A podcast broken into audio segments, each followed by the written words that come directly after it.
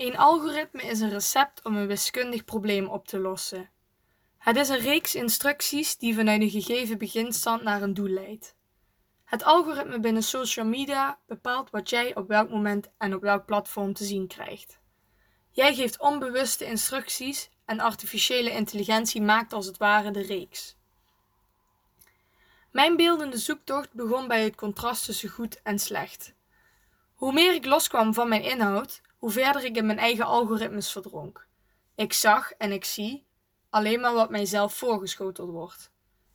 Eerst selecteerde ik personen die mijn inhoud zouden versterken en later zocht ik naar beeld dat mijn compositie zou versterken. Mijn inhoudelijke keuzes heb ik onbewust aan de technologie overgelaten. Mijn werk is een representatie van mijn persoonlijke algoritme, zonder begin en zonder eind. Een oneindige scroll door mijn online leven en mijn persoonlijke popcultuur.